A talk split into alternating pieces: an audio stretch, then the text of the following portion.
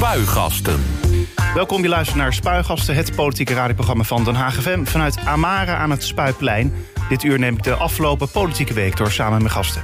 Het college van burgemeester en wethouders moet meer rekening houden... met de verantwoordelijkheden en beperkingen die de gemeenteraad heeft. Dat stelde raadslid Andrew van S. van D60 deze week... in zijn rol als voorzitter van de commissie Ruimte in de gemeenteraad. We zien nu al een grote werkdruk, een groot aantal commissievergaderingen... veel voldongen feiten en een hoge snelheid... waarin we als raad over bijzonder complexe plannen moeten besluiten. En dat terwijl we hier nog maar een paar maanden zitten, zei hij. Die manier van werken die komt de kwaliteit van besluitvorming niet ten goede... en is bovendien ook niet gezond voor de leden van deze raad... die dit werk part-time moeten doen. Laat ik een collega-raadslid citeren... De raad is toch geen stempelpost in een schaatsmarathon. Snel stempeltje halen en dan weer door. Nou, op welke manier kan het eh, college beter rekening houden met de gemeenteraad... en hoe, kan de workflow aan beide kanten worden doorbroken? In ja, verbeterde zin, zegt, zeg maar. Uh, te gast zijn er dus de raadsleden Andrew van S van uh, D66... en Chris van der Helm van de VVD. Van S die is sinds maart raadslid en commissievoorzitter. En Van der Helm die is raadslid sinds 2000 10 en uh, voorzitter van het presidium. Beiden, goedemorgen. Goedemorgen. Fijn dat jullie er zijn. Uh, nou, ik begin altijd eerst met de vraag, hoe gaat het, Andrew? Uh, het gaat geweldig. Het is ontzettend leuk. Ik, ik stond al een tijdje op de, op de lijst, zeg ik maar even plagerig. maar ik ben blij dat het nu eindelijk gelukt is. en ik had niet gedacht dat ik het zo leuk zou vinden klinkt in tegenstelling tot het harde werken, maar dat maakt niet uit. Ja, uh, en waar we het zo meteen over gaan waar hebben. we het zo over hebben. Maar het is, het is echt heel erg leuk. En ik vind het heel, uh, heel eervol. Uh, het voelt heel goed. En het, het valt ook mee hoe goed iedereen met elkaar omgaat. Ik kan het uiteraard niet vergelijken. En Chris wel. Want hij heeft al wat uh, wondergebaren ja. meegemaakt. Maar ik vind dat het tot nu toe uh, heel goed gaat. En dat mensen, uh, nou ja, relaxed met elkaar omgaan. En dat je niet wat je af en toe aan de andere kant van Den Haag wel eens meemaakt. Uh, ze elkaar de tent uh, uitschelden. Ja. Maar je zit in je, witte, brood, je zit in je witte broodsweek, ja. zoals we het al noemen. Uh, ja, wat maakt het dan zo leuk? Is dat dan gewoon nog puur adrenaline? Dat het nog allemaal nieuw is? Nou, aan adrenaline en energie heb ik uh, geen gebrek. Ook al uh, word ik volgende maand 61.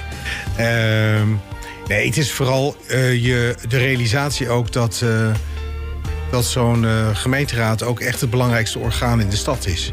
En op het moment dat je dat realiseert en ook die verantwoordelijkheid voelt... dan kun je aan de ene kant zeggen, kijk, mij is lekker belangrijk zijn. Maar aan de andere kant kun je daarbij ook voor, uh, realiseren... Nou ja, dat je gewoon een belangrijke taak hebt. En, en dat voelt heel erg goed, weet je, dat je daar iets mee mag doen. Mooi. Nou, Chris van der Helm die heeft die belangrijke taak al wat langer. Je bent, ja, ik heb je omschreven als een ook nestor van de gemeenteraad heeft er eigenlijk mee te maken dat, uh, ja, dat jij sinds 2010 al raadslid bent uh, in Den Haag zonder tussenpoos. Want je bent de hele tijd raadslid geweest. Er zijn andere mensen die ook al langer hier op het stadhuis rondlopen als raadslid, dan weer als wethouder, dan weer even weggaan. Uh, maar goed, ja, ik zie jou nu als, als Nestor. Zie je dat zelf eigenlijk ook zo? Um, nou, ik zit er in ieder geval al best een tijd. Ja. dus dat, dat, dat, dat klopt. Um, en dat brengt ook wel klinkt heel zwaar, maar het brengt ook wel een beetje verantwoordelijkheid met zich mee. Omdat ja. je al wat langer rondloopt, wat meer kennis hebt en wat meer hebt meegemaakt in zo'n raad. Dat in ieder geval ik ook af en toe wel de behoefte voel en verantwoordelijkheid voel. Dat als er iets gebeurt in de raad, om dan uh, daar iets van te vinden of iets over te zeggen. Um, uh, dus nou ja, mooi. Nou, je bent een jonge Nestor, toch? Ja, ik ben 35 en, ja. wel, en ik ben de opa van de raad, maar dan wel 35. Dus dat is een aparte combinatie. Bijzonder, ja. ja. Uh, herken jij wel wat Andrew zegt? Van ja, als je dan raadslid wordt, dat het zo'n belangrijke en uh, verantwoordelijke taak is. Ja, dat, dat brengt iets bijzonders met zich mee. Ja, zeker. Dat herken ik helemaal. Um, dat is een heel apart gevoel wat je, wat je dan hebt. Er komt ook heel veel tegelijk op je af. Uh, wat dat betreft de Wittebroodsweek, of, die zijn er wel, maar eigenlijk ook niet. Want je moet gelijk vol aan de bak. En gelijk uh, kloppen veel mensen, inwoners bij je aan... die allemaal iets van je willen of van je vragen... of die graag met je op pad willen om iets in de stad te laten zien.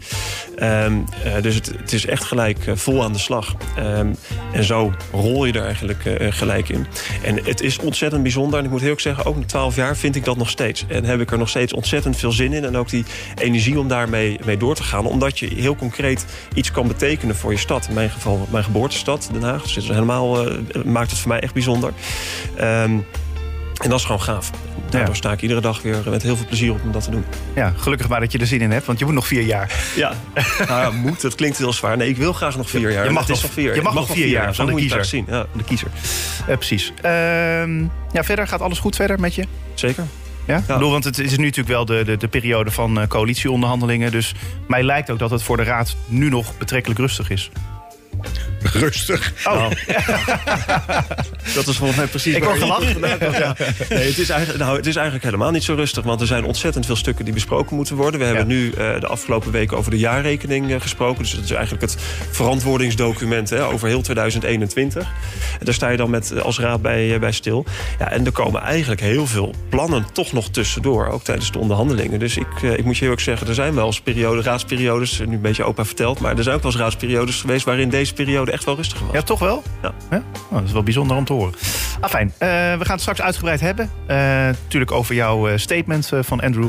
Eh, maar eerst zoals altijd blikken we terug op de afgelopen week. Het politieke weekoverzicht. En dan beginnen we bij Maandag 20 juni.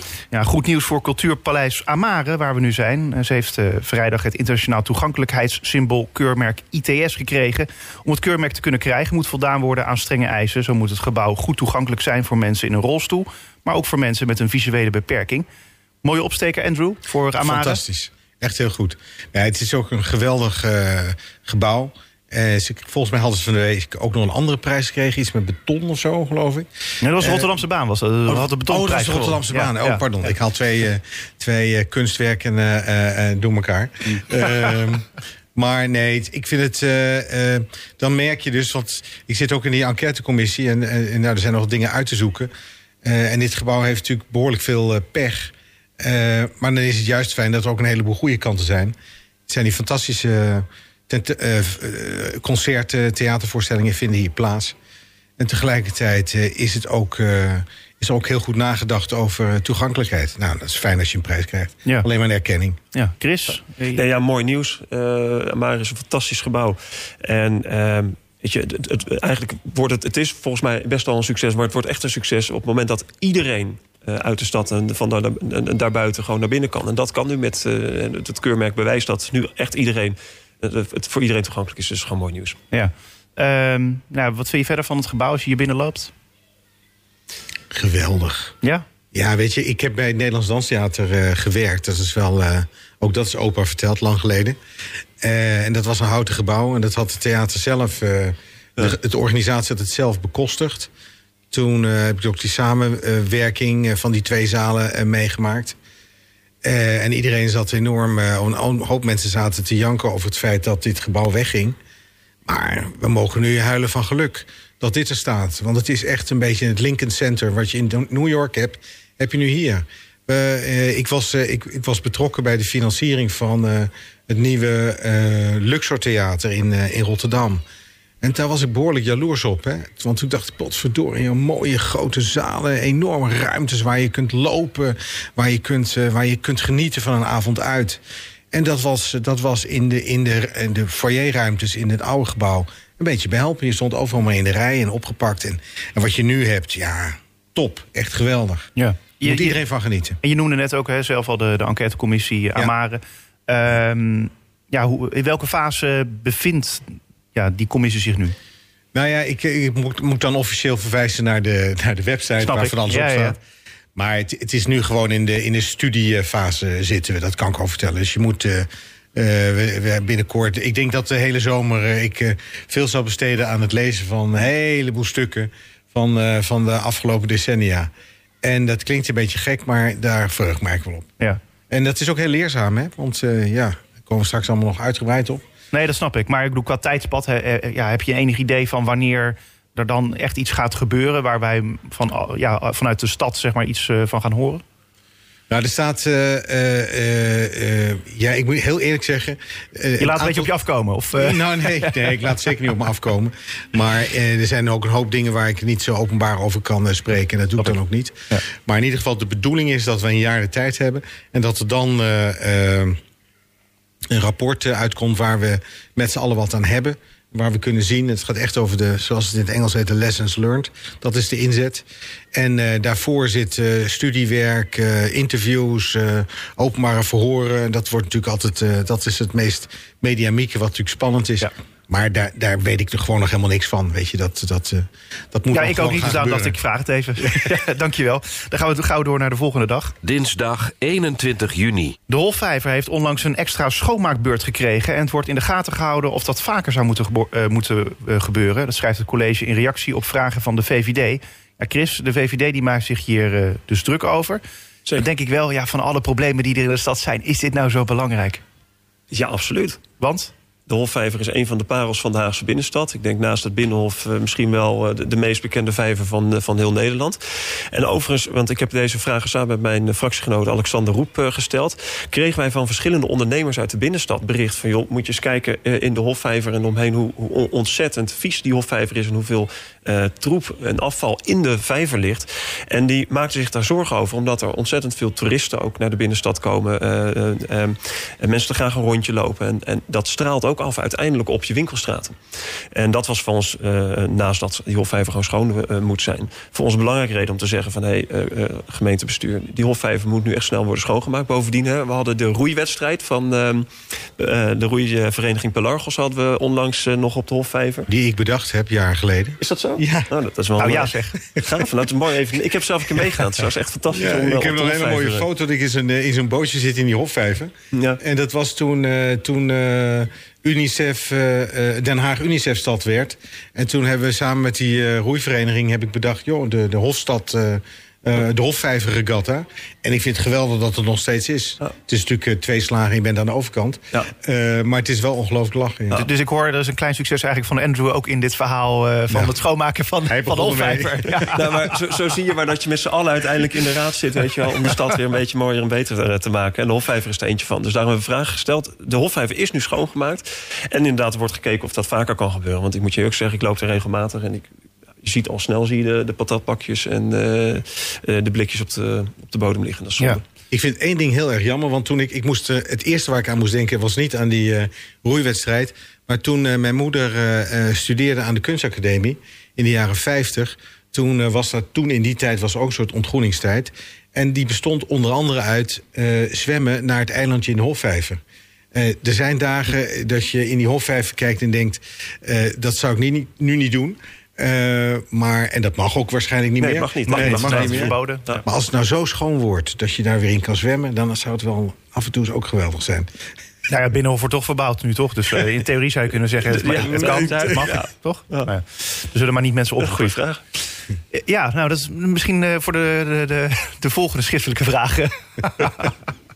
Worden hier gewoon uh, letterlijk bedacht. Woensdag 22 juni. Meer mensen kunnen een lening zonder rentekosten aangaan... om thuis energiebesparende maatregelen te nemen. Het budget wordt namelijk met een half miljoen euro verhoogd... heeft het college bekendgemaakt. Wanneer een lening bij het warmtefonds wordt afgesloten... om de woning te isoleren... vergoedt de gemeente de rente voor die lening. Uh, je bent tevreden met dit besluit, toch, Chris? Zeker. Ja. Want? Nou, als, als, uh, als woordvoerder duurzaamheid heb ik de afgelopen vier jaar steeds gepleit uh, om. Uh, we moeten even zwaaien, want daar komen. Er komen wat deze die komen even voorbij. Saskia Bruines zie ik en Dennis Groenewold. Ja. ja. Ja, die mogen ook wel even meeluisteren naar dit fantastische voorstel... wat dus nu uh, meer geld krijgt als de, de renteloze lening. Ja. Uh, want ik heb al, al jaren hameren als, als VVD op het isoleren van woningen.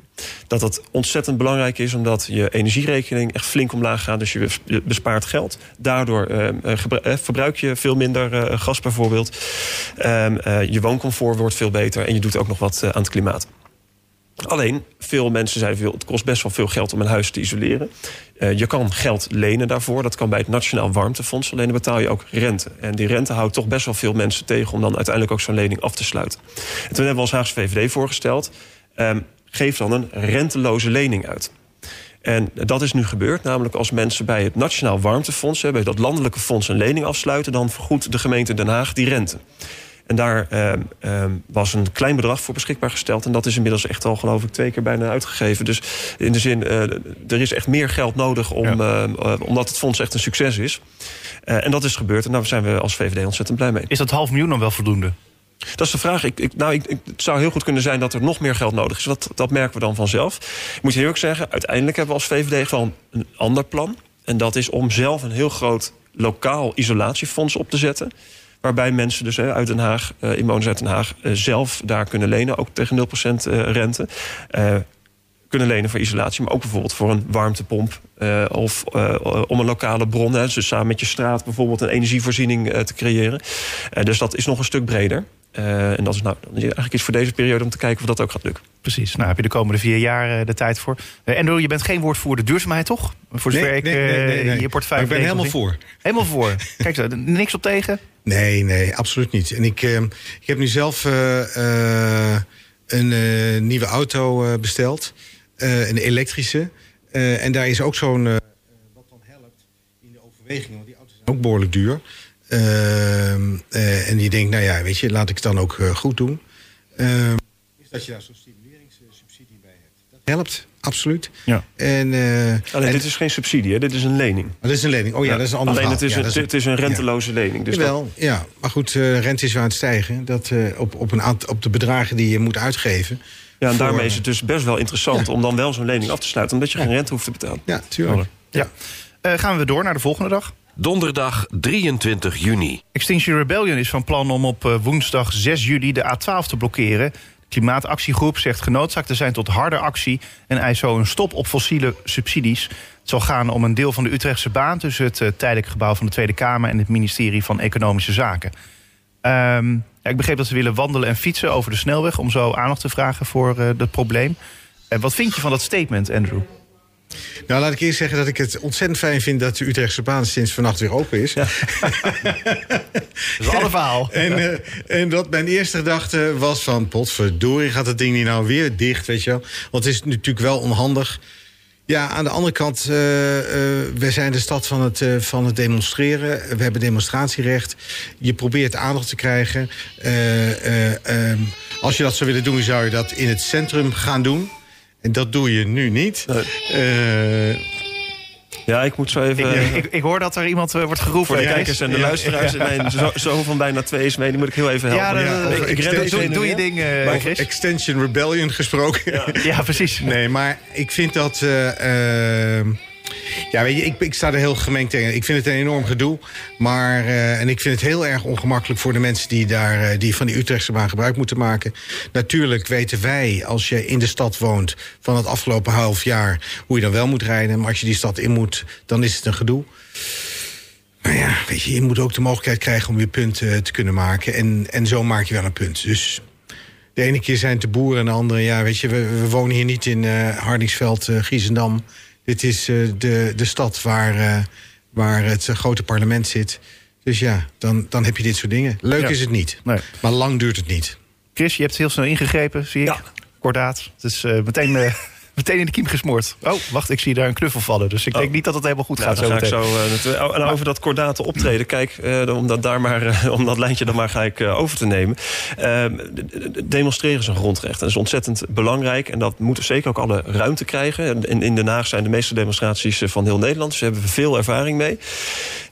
Alleen in de grondwet staat ook dat je je wel aan de wet hebt te houden. En op het moment dat je een snelweg gaat blokkeren als, eh, als demonstranten... Dan, dan heeft dat echt een stuk minder met demonstranten en demonstreren te maken. Ja, en dan hopen we toch als ACVVD dat de politie kordaat optreedt... om dat eh, in de kiem te smoren. Ja, laten we doorgaan naar eh, de volgende dag. Vrijdag 24 juni. Dan ga ik ondertussen even die knuffel geven. Eh, Twaalf langdurig werklozen die zijn vorig jaar weer uit de bijstand gegaan. De totale groep die is verminderd van eh,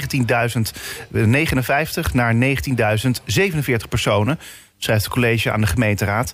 Langdurig werklozen die zijn mensen die eh, 18 maanden of langer een uitkering krijgen. Minder dan 1 op de 1000 in deze groep die stroomt dus weer de bijstand uit. Vooral mensen van 50 jaar en ouder die komen moeilijk weer aan het werk. Slechts 51 mensen in deze groep die stroomden vorig jaar weer uit de bijstand. Ehm, en dat is dus eh, zo'n 1 op de 100 die verlaat daar van die groep de bijstand. Eh Andrew, je bent wel eh, woordvoerder van sociale zaken en werkgelegenheid. Dus dit moet je wel wat zorgen baren, lijkt mij. Nou, zorgen, dat, dat gaat me aan mijn hart. Maar dat is ook iets wat, wat al heel lang speelt. Eh, je moet je voorstellen is dat... eh, ik heb ook verschillende projecten gedaan bij eh, sociale zaken. En daar zit een soort uh, kerngroep van, van bijna 20.000 mensen... die al niet langer dan een half jaar, al jaren daarin zit. En daar zitten allerlei ambtenaren en allerlei programma's zitten eromheen... om mensen te proberen te stimuleren. Maar dat is ook een groep waarvan uh, en dat kan ik in individuele gevallen natuurlijk niet zoveel over zeggen. Maar waar in algemene zin kunnen zeggen, daar is wat mee. Die mensen hebben enorme schuldenlast. Uh, die, uh, daar is, die kunnen om psychische redenen iets doen. Maar die zitten wel in die lijst. Ehm, en de vraag is of je daar niet op een andere manier mee om moet gaan. Ehm, we wel wezen, en dat zijn een van de vraagstukken... waar ik dan als raadslid nu ook mee bezig ben om daarin goed na te denken of, daar, uh, of, we erin, uh, of we met andere oplossingen kunnen komen. Uh, daar ga ik na de zomer hoop ik daar graag hier iets meer over te vertellen. We zijn nu aan het bestuderen. Maar dat gaat met name juist over die groep van ouderen. Want laten we wel wezen, als jij als je 62 bent en je zit en je bent al hè, mijn leeftijd en je zit al vijf jaar in de, in de bijstand, dan mag je volgens partij en dan heb je weliswaar geen sollicitatieplicht meer. Maar er zijn een hoop dingen die je niet mag doen. En als jij dan een baan zou vinden, dan, dan kun je alleen maar uitstromen, echt uitstromen, als je een fulltime baan vindt. En die vind je nu niet. Zeker niet op die leeftijd. En als je dan wel werk kunt gaan doen, bijvoorbeeld voor twee dagen in de week of een halve dag in de week, dan moet al dat geld wat je daarmee verdient, moet, moet wordt weer verrekend worden. Dus dat werkt totaal niet motiverend. En dat er is geen trigger, zeg maar, om dan dus aan het werk nee, te gaan. Er is geen trigger in. Weet je, en hetzelfde geldt bijvoorbeeld als dingen als... Uh, waar ik uh, binnenkort ook wat, wat uh, waar ik me nu ook op aan het bestuderen ben, is die kostendelersnorm die we hebben. Dus we, we, moeten allemaal de we, mensen willen kosten delen. En als je dat wilt en je zit allebei in de bijstand, dan krijg je ook weer een korting. We zijn heel druk bezig om te bezuinigen en ons te bemoeien met mensen die al in armoede leven. En ik denk dat dat niet goed is. Uh, laten we wel wezen, als je die kostendelersnorm... als je daar op een slimmere manier mee omgaat... creëer je daar ook direct woningen mee. Omdat mensen dan ergens uitgaan. En het zijn over het algemeen... Uh, en als mensen besparen, gaan ze dat niet uitgeven aan huizen uit Frankrijk. Dan gaan ze uitgeven om schulden... om, om weer iets leuks te kunnen kopen... of gewoon voor eten en drinken. Ja. Zo is het. Ja. Chris, uh, ja, heb je nog iets te toevoegen aan het verhaal? En nou, wat mij opviel in het nieuwsbericht is dat um, er stond dat er weinig banen geschikt zijn voor um, en de mensen in de bijstand. En dat, hm. Dat zegt de gemeente. Ja. Zegt, ja, precies, dat zegt de gemeente. Dat vind ik wel een ding. Want um, daarbij uh, wil je eigenlijk dat de banen aangepast worden op, op het, het, het, het bestand aan, aan bijstandsrechten of wat je hebt. Maar je kan dat ook omdraaien door te kijken van wat, wat kunnen zij. Hè? Dat in plaats van wat kunnen ze niet. En, en kijken naar wat kunnen ze wel. Dat is een, een, een andere mindset. Uh, en uh, onze woordvoerder in de, in de fractie is daar echt mee bezig om dat aan te kaarten. Van hoe kan je dat nou nog veel beter naar voren brengen? Want dat, dat en, daar ben ik het helemaal mee eens. Want ik keek daar ook wel van op hoe die dat er steeds meer wordt gezegd... De banen moeten zich, de werkgevers moeten zich maar aanpassen. Ja, zo werkt het natuurlijk niet helemaal. Nee, nou ja, daar heb je dan ook weer stipbanen voor. Ja, eh, voor mensen. Je ja. kunt, natuurlijk kan iedereen, maar je moet ook van een aantal dwangmiddelen moet je af. Want de vraag is of mensen. Uh, je kunt ook op een andere manier aan de maatschappij deelnemen. Zonder dat dat meteen in een soort uh, werkritme gaat. en je moet je voorstellen dat vanuit de participatiewet mag je een heleboel dingen ook niet. En moet je overal een ambtenaar uh, uh, toestemming voor vragen. Mm. En ik denk dat, dat je wel degelijk mensen kunt activeren... door er, uh, door er op een creatievere en meer individuele manier mee om te gaan. Ik doe dat in het dagelijks leven ook. en, dat, en dat helpt wel. Maar dan heb je een hele andere organisatie en andere aanpak nodig... dan nu bij SZW gebeurt. Ja. Uh, we gaan naar de laatste. Dat het aantal wat nu, uh, dat aantal vond ik wel heel erg laag. Ja, dat, maar dat, dat, uh, dat is al jarenlang, hè? Ja, ja. Dat, is, dat is al jarenlang. Kortom, het is moeilijk. dus alle reden toe om daar dit jaar flink aan te trekken. Gaan we door naar de laatste dag. Zaterdag 25 juni. Je hebt ze vast al gezien, de roadblocks in het centrum van de stad. Die liggen er vanwege de Nederlandse Veteranendag. Na twee, jaar, na twee coronajaren kan het evenement dit jaar weer uitgebreid plaatsvinden in het centrum van de stad. Vanwege het evenement is een groot deel van de binnenstad van 9 uur s ochtends tot 4 uur s middags afgesloten voor het verkeer. En ook zijn diverse parkeergarages gesloten. Vind je het een mooie dag, Andrew? Geweldig. Jammer dat er nu even geen zon is. Ja, het weer werkt niet mee. Uh, tot nu toe. En uh, ik vind het. Het ik kan er helaas vandaag niet bij zijn. maar andere jaren, nou, het is nu twee jaar niet geweest, stond ik voor Garuda. En het emotioneert me altijd, omdat achter alle mensen die meelopen een verhaal zit. En dat verhaal heeft te maken met dat je een offer maakt voor ons. En dat je meeloopt om, voor onze vrijheid. En dat kun je hier in de, in de veiligheid van deze stad niet, uh, niet voorstellen. Ik werk veel met vluchtelingen. Heb je datzelfde soort verhalen. En deze mensen die, die zetten zich in om, om voor onze vrijheid te waken. Nou, daar kun, je, daar kun je alleen maar respect voor hebben. Ja. Chris? Ja, ik vind het fantastisch dat wij dat hier hebben in Den Haag. En tegelijkertijd ook heel bijzonder. Uh, en uh, weet je, er spreekt ook in ieder geval uit Den Haag ook waardering uit naar de veteranen. En ik denk dat we dat echt met z'n allen ook zouden moeten hebben. Als je ziet wat, wat zij voor ons uh, hebben gedaan en doen op het uh, gebied van vrijheid en bescherming.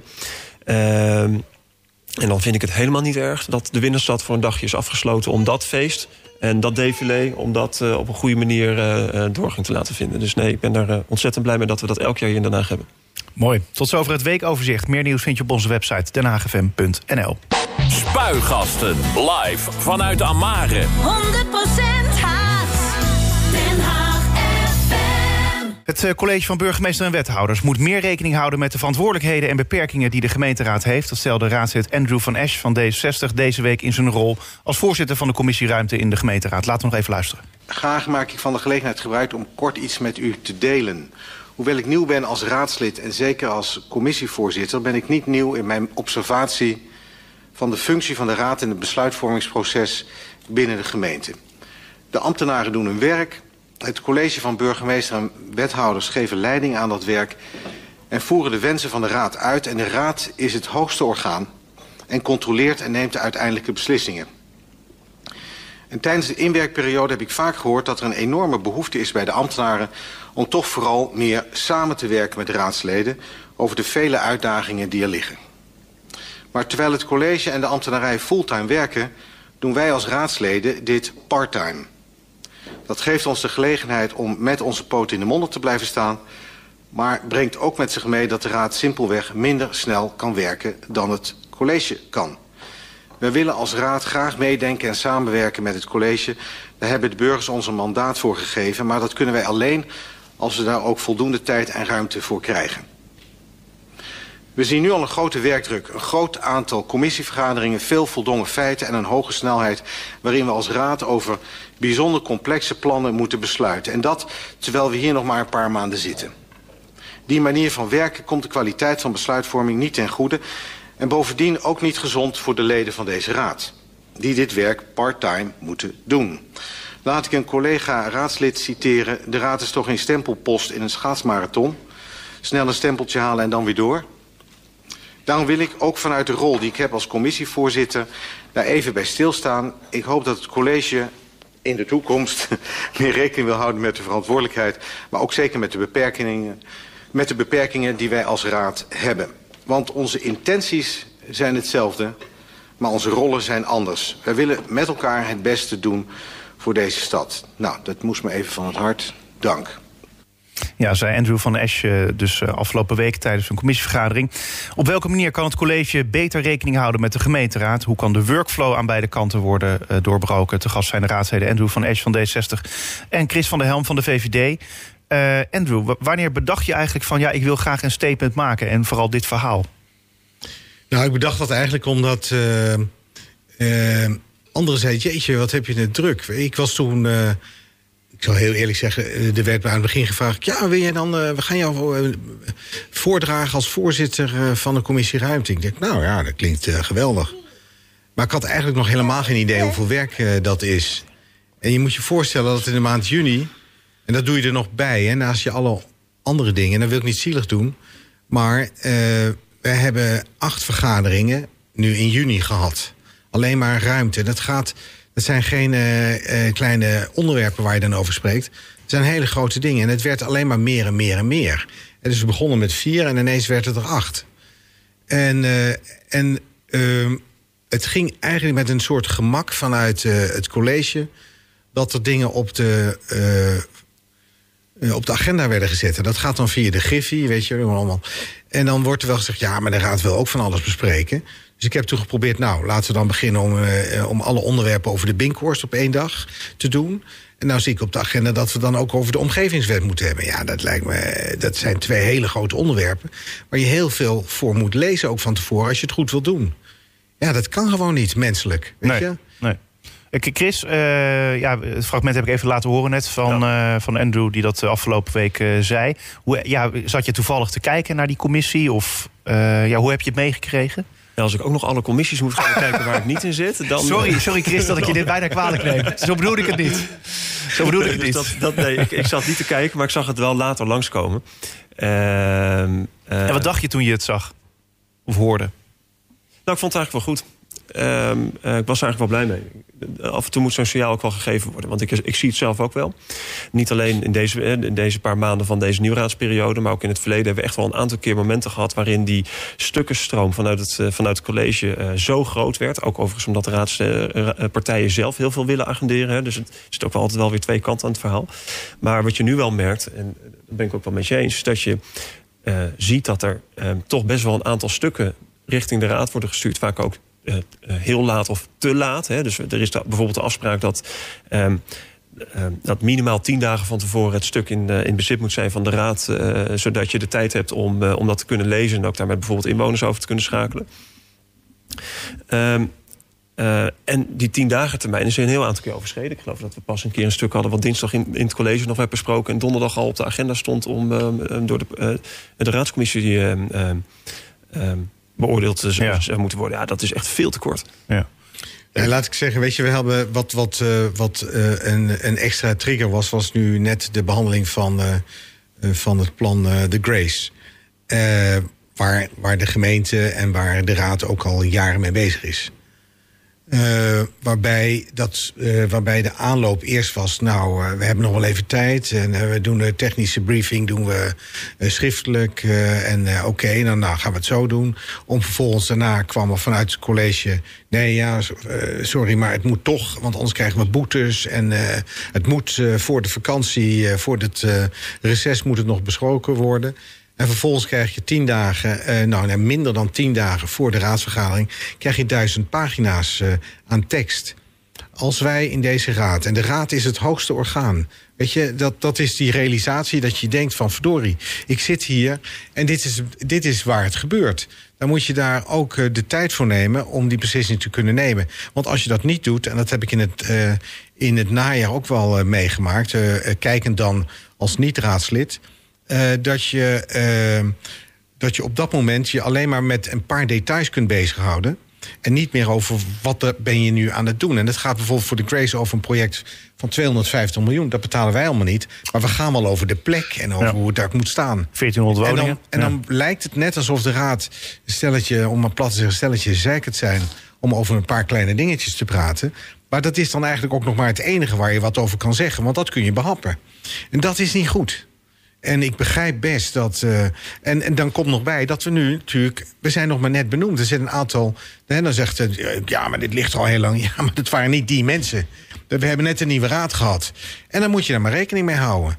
Ja, en, en ik begrijp dat het heel ingewikkeld is. Maar dit, is, dit zijn de roeien waar we mee. De riemen. eh, Waar- je we mee moet roeien. Ja. En, Nou, dat kun je eh, gelukkig, en-? Ja. ja. en zo is het. Weet je? Ja, en ik vind het onverantwoordelijk. Als wij, want stel je nou eens voor dat wat misgaat... en er gaat behoorlijk veel ook mis... ja, dan moet je als raad ook elkaar recht in de ogen kunnen kijken. Ja, nou dan, dan moeten we vervolgens weer in een enquêtecommissie komen. Dan moet je vervolgens ook nog gaan eh, kijken wat er dan allemaal mis is gegaan. hoe Onderzoeken En en, dat zo. kost ook allemaal eh, geld, kost ook en geld heel veel tijd. en tijd. Ja, precies. Ehm, eh, maar wat vraag je dan precies van het, van het college? Hè? Ik bedoel, eh, Chris die had het net over van... Hey, er moet tien dagen tussen zitten eigenlijk tussen plannen eh, die aan de raad worden gestuurd... en vervolgens dat de raad eh, ze kan beoordelen... en vervolgens dus daarover in debat kan gaan. Moet die norm weer, ja, soort de teugels moeten die weer even worden strak getrokken of zo? Ja, wat, wat stel je voor? Nou, mijn voorstel is eigenlijk om gewoon naar dat hele besluitvormingsproces. En nu is het zo dan heel veel dingen die gebeuren in het presidium. Daar is Chris eh, eh, voorzitter van. Hè, dus dat is het bestuur van, eh, van de raad. Maar eigenlijk vind ik dat je met, met zeker met zo'n nieuwe raad. is daar eens weer even naar moet kijken. Want nu, nu merk je dat in vergaderingen. en ik kan dat als buitenstaander. Kan ik daar nu nog naar kijken, want ik zit nog niet helemaal er middenin. Nou, eh, je ja, zit erin, er hoor, je zit in de raad, Ja, ja. nee, het raast omheen. Maar ik probeer nog even stil te zitten. En een beetje te observeren en een beetje te abstraheren om te zien van wat, hoe doen we het nou eigenlijk. Ja. En ik denk dat een heleboel mensen dat ook hebben. En omdat ik wat ouder ben en, heb een, en wat meer ervaring heb, ook met andere organisaties, kan ik dat ook. Maar ik kan me ook voorstellen als je jong raadslid bent en eh, alleen maar he- heel druk bezig bent om zo snel mogelijk op stoom te komen, dat je dat, je dat mist. En daar hebben wij ook de rust voor nodig. Ja. Chris, mijn voorstel zou zijn Ja? om, eh, om na de zomer eh, weer eens een goede eh, raadscongres of raadsconferentie te hebben. Om met elkaar daarover te praten. Waar, hoe, want, want we kunnen het systeem op dit moment niet veranderen. Dat we maar parttime werken daarin. Maar het wordt steeds complexer en het wordt steeds groter. Hoe kunnen we zorgen dat we met elkaar in, in dit, deze organisatie beter kunnen werken, zodat wij met elkaar ook eh, juistere beslissingen kunnen nemen? Chris, heb je het idee, want jij zit al wat langer in de raad, dat het erger is geworden? Dat, eh, dat het college dus steeds later weer die stukken is gaan sturen naar de raad. En dat de raad in zo'n workflow is gekomen dat het steeds drukker en drukker wordt? Of? Nou, we, we hebben dat in het verleden ook wel gehad. hoor. Ook wel periodes gehad waarin ook die workflow zo mega werd... dat je bij echt, echt op, op, ook op allerlei hele onmogelijke mom- momenten... zelfs commissievergaderingen eh, had. We hebben het zelfs eens gehad dat, eh, dat een raadslid onwel werd. Omdat we zo ontzettend veel vergaderingen hadden... dat die op een gegeven moment... eh, eh, of dat we tot, voor de zoveelste keer tot drie uur s'nachts zaten te vergaderen. Het ging overigens over dit, dit gebouw. Ehm, dus, dus het is wel vaker. En dan zie je dat de raad dan op een gegeven moment zegt van... joh, maar wat zijn we nu eigenlijk aan het doen? En dan gaat het weer een tijd goed. En dan op de een of andere manier komt dan toch eh, de klad er weer in. Ehm, en ik denk, want ik hoor je zeggen... Of, eh, je, je vraag was, wat, vraag je aan het college? Maar het, het is ook gewoon wat we zelf als raad doen. Ja. Want we zijn, gewoon, we zijn het hoogste orgaan. Uiteindelijk, eh, wij, wij controleren het college. Wij stellen de kaders. En wij gaan over onze eigen agenda als gemeenteraad. En eh, wij mogen er ook wel eens wat steviger in zijn als gemeenteraad. Door te zeggen van joh, als je de termijn niet haalt, als je te laat bent met een stuk, dan heb je pech. Eh, heel vaak ehm, ehm, ehm, ehm, wordt er dan gezegd dat zijn termijngebonden stukken. Nou, als je weet dat het een termijngebonden stuk is, dan moet je het op tijd naar de raad sturen. En eh, bo- bo- bovendien merk je ook nog wel eens, het termijngebonden wordt vaak als een argument gebruikt eh, richting de raad van joh, dit is. Dit moet nog besproken worden, anders gebeurt er iets heel ergs. Ja. En als je dat dan goed bekijkt, dan valt het eigenlijk vaak nog wel mee ook. Dus daar wordt natuurlijk ook nog wel een beetje mee in gespeeld. Maar we mogen als raad ook wel eens wat steviger zijn. Ja. Ja, deze week was, eh, kwam er ook weer zo'n. eh, we hadden het er net over. En het eerste agendapunt ging over dat er eh, een voorzitter van de welstand eh, moest worden benoemd. Eh, en eh, ja, dan hadden we nog. eh, eh, oh ja, en vanmiddag kun je al even kennis maken. En ik kan het vol. En toen zei ik: dat gaan we niet doen. Ja. Gaan we echt Het moest allemaal voor 1 juli, toch? Ja, Eh, en toen ja. zei Robert eh, Barker, die zei ook... ja, maar je, kan toch in, je hebt toch ook een plaatsvervanger? Die kan het dan ook even doen. En daarnaast is het ook zo, die benoeming die is al maanden bekend. Dus heeft iemand gewoon niet zitten opletten. En dan moeten wij... eh, en dat is dan die opmerking... die was overigens van Joren eh, Noorlander... over eh, die stempelpost. Oh ja, we moeten nog even langs de raad. Oh ja, we moeten even een stempeltje halen. Maar zo is het niet. En dat moet je Ja, niet laten gebeuren. niet. Zo, zo- Ja. zo werkt het niet. Dat moet je inderdaad als raad ook niet, niet, niet laten gebeuren. Ehm, eh, en wat je zegt, het is een part-time functie. Ja. Ja. Weet je, het is echt een ontze- ontzettend Nou, eh, functie. d- daarover gesproken, part-time functie. Laten we nog heel eventjes luisteren naar eh, Richard de Mos. Nou, ik vind dat het wel meevallen. Oh, jij vindt het wel meevallen. Maar Ja. goed, er zijn andere mensen Ja, die, ja, die wel goed. vinden dat het... Dan moeten ze wat die- anders gaan doen. Nee, maar goed, je weet zelf ook. Ik bedoel, Ja. in, in de loop der jaren zijn de, zijn de vergaderingen steeds langer gaan Ja, duren. omdat we ook de, de vergaderplanning niet goed doen. Eh, waarom zullen we niet eh, eh, iets vaker vergaderen? Waarom moet je één keer in de drie weken een raadsvergadering helemaal vol eh, zetten... en dan eh koet, koet alles af willen ronden? Waarom zou je niet twee keer in de, in de maand een raadsvergadering Ja, kunnen maar goed, hebben... je- je moet- het dan wat, wat chiller gaat? Is dat een idee, eh, Chris van der Helm, om eh, vaker te gaan vergaderen? Nog vaker? Nee, volgens mij die, die driewekelijkse raadsvergadering werkt over het algemeen goed. Soms is er een extra raadsvergadering op het moment dat er een heel groot stuk... bijvoorbeeld de begroting of de jaarrekening eh, eh, wordt besproken. Dus, eh, dan duren de vergaderingen soms ook wat langer. Dus nee, volgens mij zit, is, is dat verder in orde. Chris, of sorry, Andrew, ook geen voorstander van meer vergaderen? Nee, maar ik vind dat eh, eigenlijk, eh, zoals ik er nu over nadenk, ik denk de, de, wat is het, 2,5 dag die we er nu voor krijgen in de week. Ja, dat, dat kan gewoon niet voor een grote stad als Den Haag. Uiteindelijk moet dit gewoon een fulltime functie worden. Weet je, eh, eh, als je het goed wil doen, heb je gewoon meer tijd nodig. Ja. Dan, heb je ook, dan heb je ook meer tijd om stukken te lezen. Iedereen die beweert dat, eh, dat raadsleden politici zakkenvullers zijn. Shame on you, want dat is echt niet waar. Je moet er keihard voor werken. En daar zijn wij gewoon ook het voorbeeld van. We zitten nu, eh, Chris zit hier ook nu eh, met zijn zoontje... omdat hij het met thuis moet regelen. Eh, ja, weet je, en dat kan niet altijd. Maar je wil niet wel doorgaan en je wil er je verhaal vertellen. En, en we hoeven niet huilie-huilie over te doen. Maar het is gewoon, dat is de realiteit. Weet je, en, en, dat, dat kun, en we krijgen steeds meer hè, als gemeente... door de decentralisatie. Het komt steeds meer. En ja, wij, als wij willen laten zien dat we het goed doen... en eh, dat we het goed kunnen... dan moet je daar ons ook eh, de tijd voor geven. Ja. Ja. en dat lukt nu gewoon niet. Dus iedereen heeft er een baan bij. Ja. Ik ben blij dat jullie op jullie eh, vrije zaterdag hier langs wilden komen in eh Spuigasten. Eh, raadsleden Andrew van Es van D60 en eh, Chris van der Helm van de VVD. Dank jullie wel beiden. Yes. En dan is nu tijd voor de column van Marcel Vrek. Stadgenoten, er zijn van die dagen dat het me allemaal een beetje boven het hoofd groeit. De stad is warm en druk, want iedereen wil in dit coronadalletje zich helemaal uitleven. De festivals zien eruit als Schiphol. En voor je rust hoef je ook niet meer naar Stroe op de Veluwe. Om de toeristen naar Scheveningen te vervoeren... en om reizigers naar de coronacrisis terug te winnen... zal over het Haagse tramspoor binnenkort weer de zogenaamde bikinilijn... met olijke illustraties gaan rijden. De wookbeweging is blijkbaar te versuft om te protesteren... of ze liggen zelf al op het strand. Of misschien komen ze binnenkort met een alternatief voor dit seksistische vervoer. De wooklijn. Meer succes verwacht ik dan van een kooklijn. Lekker in de tram, alle neuzen dezelfde kant op... een tripje naar het strand. Of een oud trammetje dat in ere wordt hersteld. De waslijn. Of een combinatie van die twee. De witwaslijn. U hoort het, ik begin te eilen. En dan al die verontrustende berichten uit het buitenland. De Russen stampen door in het oosten van ons nieuwe kandidaat EU-lid Oekraïne. In Amerika wordt inmiddels elk lid gewaarschuwd niet te overhist, overhaast te werk te gaan. Want daar wordt het landelijk recht op abortus door het Hoge Rechtshof geschrapt. Door toedoen van een aantal door Donald Trump benoemde types. Donald Trump, die toch het levende bewijs is dat het verbieden van abortus de wereld een hoop schade kan berokkenen.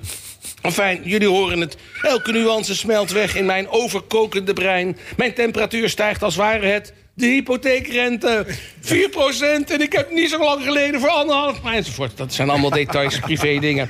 Tijd voor een retraite op een heel rustige plek. De Floriade in Almere bijvoorbeeld. zeg maar de megastores van Flevoland. De enige reden waarom mensen naar Almere lijken te gaan... is dat ze er moeten wonen. Toch is het inmiddels een grote stad... met de bijbehorende volwassen financiële schandalen. Wij zagen een wenende wethouder... die verklaarde een geboren Almeerder te zijn op zich een reden om in snikken uit te barsten... maar hij huilde vanwege het ver achterblijvende bezoekersaantal... en ook de aanleg van de Floriade ging financieel verre van glorieus. Zo'n stilteplek is natuurlijk mooi, maar wie gaat dat betalen? En had er niet wat meer en beter publiciteit gemaakt kunnen worden. Natuurlijk wel, het ligt zo voor de hand. Dit is een land- en tuinbouwtentoonstelling. En wie kunnen er publiciteit halen als de beste? De boeren! Waarom dus naar Stroe met z'n allen en niet naar Almere? Dan heb je ook iets minder verstopte wegen, want het blijft toch Flevoland. Caroline van der Plas, doe er wat aan. Je bent nu al een jaar het testbeeld op mijn televisie. Het is elke dag en overal Caroline van der Plas. Je hebt overal een mening over. Stuur die trekkers naar Almere. Dan krijgen de boeren nog meer aandacht. En wellicht gaat de boel in Almere daar dan wel floriëren. Hoe kunnen we Caroline, die volgens de peiling inmiddels 80 zetels schijnt te hebben... overtuigen dat zij zich moet inzetten voor deze goede zaak? Hoeven bij haar niet met wetenschappelijke rapporten aan te komen... Maar misschien kan ons andere staatshoofd haar overtuigen. Want ja, de wereld mag dan in brand staan en mijn hoofd mag overkoken. Het belangrijkste nieuws van deze week was toch het fotomoment van het oranje gezinnetje. De Hermelijnvlooien sprongen weer door de zalen van Paleis Noordeinde. Onderdanig als immers. EO-corrivee en voormalig blauw bloedfactotum Jeroen Snel... verstoutte zich te vragen naar het liefdesleven van kroonprinses Amalia. Ze had immers net haar jachtdiploma gehaald. Deze oranje likker kijkt meestal zo angstig in de camera... dat ik altijd denk dat hij op hetzelfde moment geheel tegen de EO-principes... door een niet in beeld zijnde bruut rectaal wordt verkend. Jeroen had nu iets hol van zijn holkruiperigheid afgeworpen... maar zijn impertinente vraag werd door WA onmiddellijk onderschept. De arme Amalia verklaarde dat ze heel dankbaar was... dat ze in Amsterdam een kamer had gevonden. Ondanks wat zij noemde de woningsnood. Maar ja, voor haar is zo'n woord natuurlijk even wennen. Ik denk dat het meer een gevalletje keuzestress was... want ze hebben daar in de familie nogal wat pandjes. Maar laten we niet al te lelijk over haar doen. Want haar treft hetzelfde lot als Willem Holleder. Levenslang. Hou je haags, geniet van het goede en tot snel. Bravo. Marcel Verrek, dankjewel. Ja. Eh, dit was Spuigasten voor deze week. Bedankt voor het luisteren. Tot volgende week.